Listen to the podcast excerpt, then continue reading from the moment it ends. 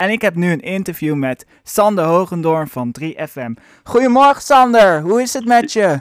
Ja, goedemorgen. En wat leuk uh, dat ik bij jullie in de uitzending mag zijn. En sorry dat ik uh, wat later was qua bellen. Ik was het een beetje vergeten. Maar hopelijk ben ik nog op tijd. Geef niet, geef niet. Helemaal, helemaal goed. Want je hebt het hartstikke druk met het uh, glazen huis. Ja, het, het zijn hele ja, drukke dagen. Van mij mag het ook echt het liefst maar gewoon beginnen. Want het is heel spannend. Maar zaterdag dan, dan gaan we het glazen huis in dan, ja. Uh, ja, dan, dan, dan gaat het eigenlijk dicht. En dan ga ik daar een week uh, wonen samen met Jorien, Rob en Frank. Leuk. En dan gaan we proberen een week lang zoveel mogelijk geld op te halen. Ja, ik heb nog een paar vragen voor je. Nou, kom maar door. Ik ben heel benieuwd. Nou, vraag 1. Sander, als je voor een platenzaak staat, welk artiest heb je dan gekocht als LP of CD van als je klein was?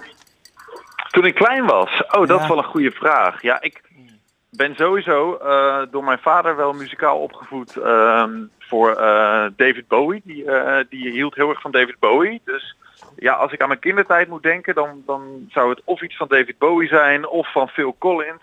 Omdat mijn vader mij vroeger dat altijd liet horen. Dus ik denk dat ik dat zou kopen dan, denk ik. En welk, welk nummer van David Bowie speciaal? Ik vind uh, Heroes heel mooi. Ja. Of uh, Starman vind ik echt Starman. schitterend. Oh, prachtig. Vind je dat ook mooi? Ja, ik vind het prachtig. Ja, ik vind het echt wel een mooie muziek, ja. Wat leuk. Ja. Ja, dat. Ik zou dus wel echt iets, iets, ja, iets, iets, voor iets kiezen waar, wat mijn vader me met de paplepel heeft ingegoten. En hoe oud begon je met DJ worden? Nou, ik was al heel jong uh, toen ik uh, uh, plaatjes draaide op mijn zolderkamer. Ik had een DJ-setje daar en ik was eigenlijk ja, iedere, iedere middag na school was ik lekker plaatjes aan het draaien daar. En op een gegeven moment kwam ik erachter dat, dat radio ook bestond. Mijn opa die werkte vroeger bij de Radio Ziekomroep. En die heeft mij een keer meegenomen naar de studio. En eigenlijk vanaf het moment dat ik die studio zag, ben ik verkocht. En dacht ik, wow, je kan hier muziek draaien en iets in de microfoon zeggen. En uh, mensen die dan in het ziekenhuis liggen, die horen dat. En wat en, voor zender uh, had hij? Hij werkte bij de Delftse Radio Ziekomroep.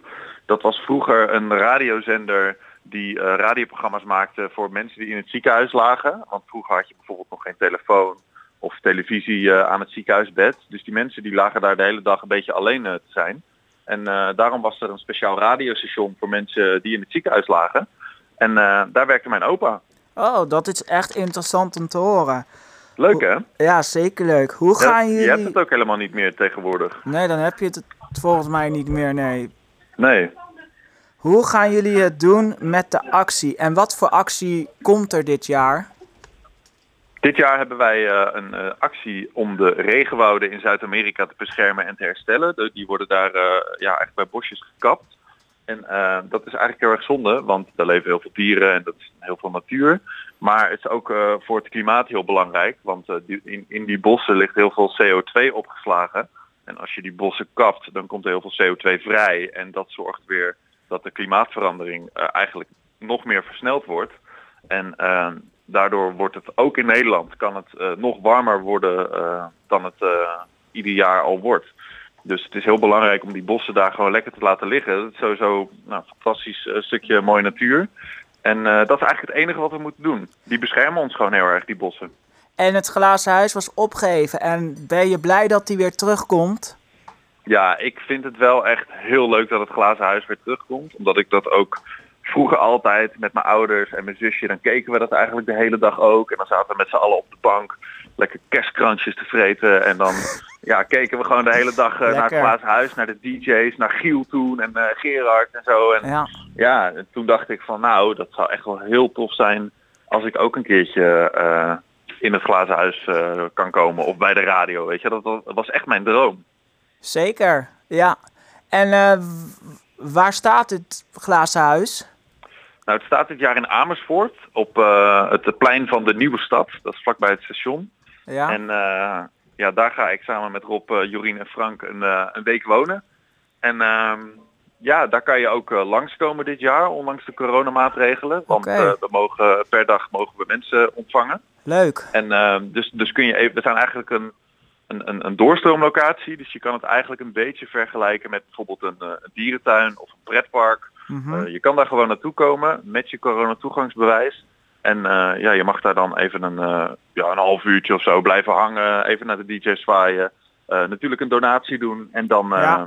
dan weer door voor de andere mensen. En zo proberen we toch zoveel mogelijk mensen te kunnen ontvangen. En wat wilde je vroeger worden als je geen DJ was geworden? Oeh, dat vind ik wel moeilijk hoor. Ehm, want ik wilde eigenlijk altijd wel al iets met eh, muziek doen.